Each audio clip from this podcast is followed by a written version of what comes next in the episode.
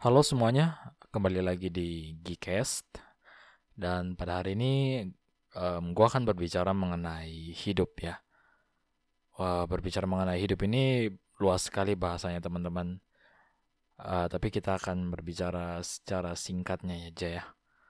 Jadi kehidupan setiap manusia itu unik teman-teman. Ada orang yang berjalan di jalannya masing-masing gitu ya. Pada dasarnya memang seperti itu um, setiap orang tuh sudah ada takdirnya masing-masing. Kita harus paham bahwa semua orang memiliki akhir yang berbeda dan jalan yang berbeda.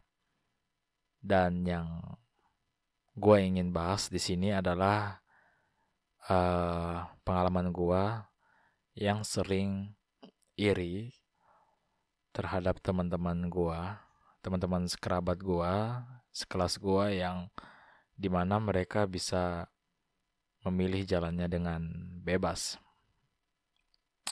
Meskipun gua tahu bahwa setiap orang itu memiliki jalannya masing-masing, tapi tetap saja uh, rasa iri gua itu masih melekat di dalam diri gua gitu loh. Dan gua baru belajar beberapa hari ini, beberapa bulan ini gua baru belajar mengenai hidup itu. Jadi di sini gue ingin share kepada teman-teman semua bagaimana caranya kita memahami jalan kita masing-masing. Masing-masing dari kita ini unik teman-teman. Itulah kenapa kehidupan itu tidak ada yang sama. Semua orang berjalan di masing-masing jalan mereka. Ada orang yang ingin menjadi kaya, misalnya, ada orang yang ingin menjadi um, presiden, dan ada mungkin orang yang ingin sekolah di luar negeri gitu. Dan kita harus paham bahwa semuanya itu berbeda dan akhirnya pun berbeda. Terkadang kita tuh sering membedakan diri kita dengan orang lain tanpa memikiri apa sebenarnya tujuan yang saat ini kita sedang kerjakan. Jadi kita harus memahami dulu sebenarnya gue ini apa sih gitu. Gue itu mau hidup yang seperti apa? Apakah gue ingin menjadi orang yang kaya dan menyimpan segitu banyak harta sampai akhir hayat atau ingin menjadi orang yang sederhana tapi ingin membagikan kebahagiaan yang kalian punya itu dengan orang lain gitu.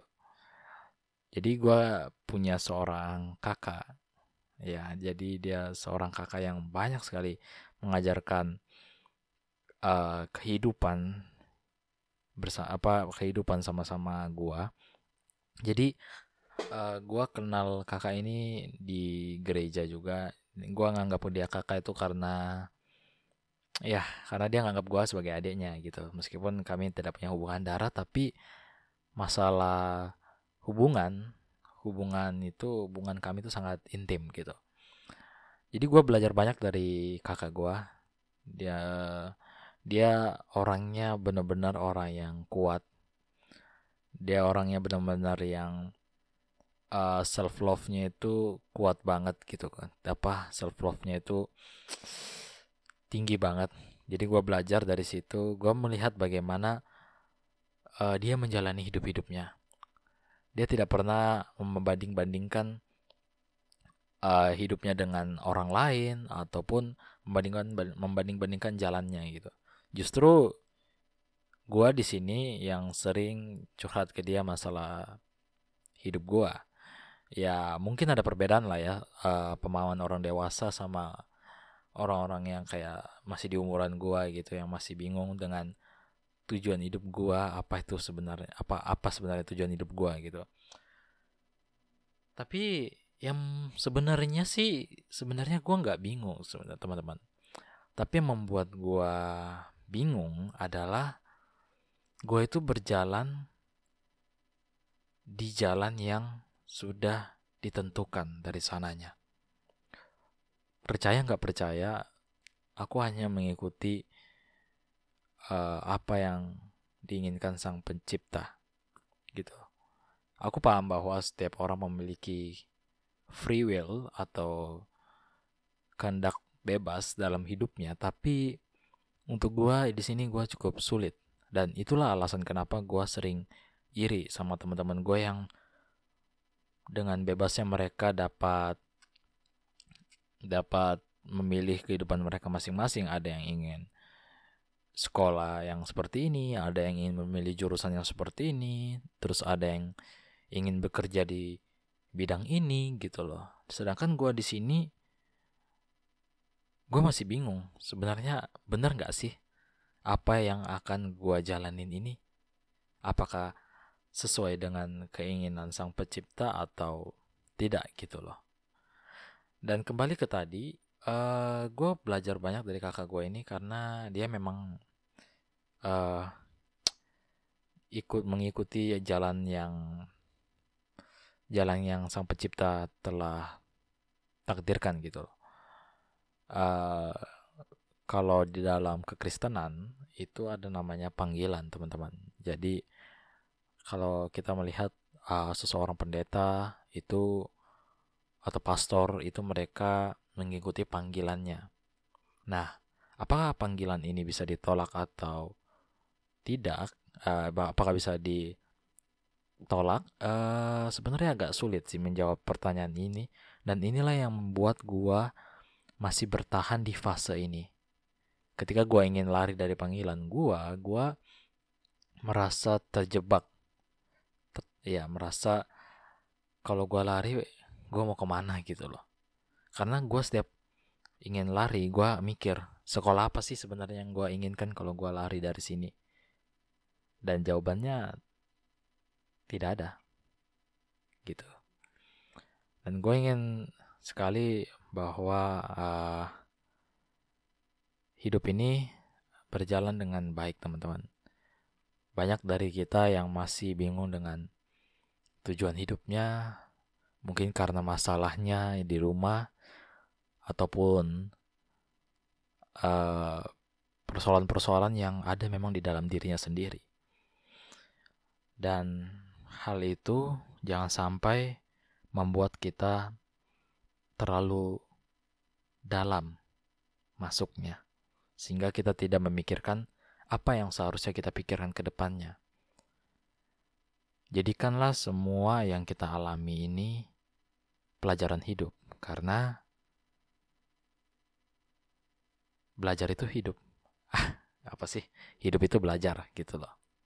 Gue baru tahu juga, gue baru apa gue baru kayak mana ya baru pak gitu waktu ibu pendeta gue ngomong hidup ini belajar Glenn.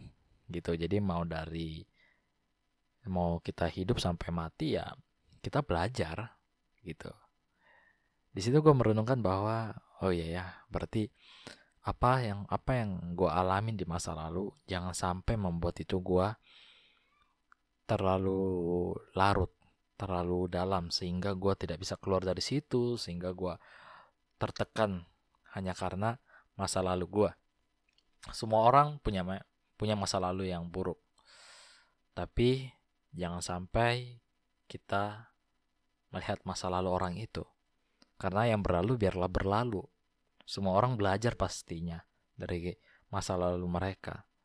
Dan biarlah kita sebagai manusia, sebagai teman, sebagai rekan membantu dan menyemangati teman kita yang ada sekarang karena bagaimana mau bagaimanapun itulah mereka. Mungkin saja mereka ingin berubah gitu loh. Karena perubahan itu ada di setiap hati orang. Sekecil apa pun itu pasti ada. Karena orang akan merasa bosan di kehidupan yang seperti ini-ini aja gitu loh. Misalnya dia terjebak di dalam lingkaran kehidupan yang membosan apa yang menurutnya enak gitu. Dia muter-muter aja di situ tapi ya suatu saat dia akan merasa bosan. Dan di situlah akan terjadi titik perubahan yang ingin membuatnya berubah. Dan itu kenapa gue ingin mendorong bahwa ketika ada orang yang seperti itu kita harus bantu. Kita harus kuatkan mereka secara mental dan secara fisik. Karena gue pernah banget dikuatkan secara mental dan secara fisik. Ketika gue menghadapi sesuatu yang membuat gue merasa tidak nyaman atau sesuatu yang yang gak enak banget gitu loh. Yang kayak hmm, ada masalah yang seharusnya gue alamin di umur 20-an gitu. Tapi gue tiba-tiba saja mengalami hal yang seperti ini di umur gue yang sekarang gitu. Nah di situ kakak gue di sini hadir sebagai uh, teman cerita gue dia sering membelikan gue minuman-minuman gitu ya minuman-minuman yang yang bagi gue mahal sih tapi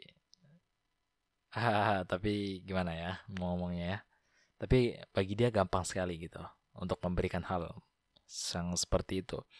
Dan dari hal yang kecil itu dari minuman-minuman itu itu dapat merubah kehidupan gue dan gue baru sadar ternyata ini caranya dia membagikan kehidupan apa membagikan kebahagiaan kepada orang lain. Dan gue ingin mengikuti jalannya seperti itu. Bukan mengikuti sih mencontoh. Karena balik lagi hidup adalah pilihanmu. Hidup adalah di mana ketika kamu dapat memilih jalan yang baik dan yang benar. Banyak jalan teman-teman tapi banyak jalan juga yang membuat kita jauh dan jauh sekali daripada kehidupan yang sebenarnya. Nikmatilah hidup selagi masih diberikan nafas kehidupan, tetapi percayalah bahwa semuanya akan kita tanggung di um, akhirat nanti. Mungkin segitu saja dulu podcast untuk pertama ini. Terima kasih sudah mendengarkan dan sampai jumpa di podcast selanjutnya. Terima kasih.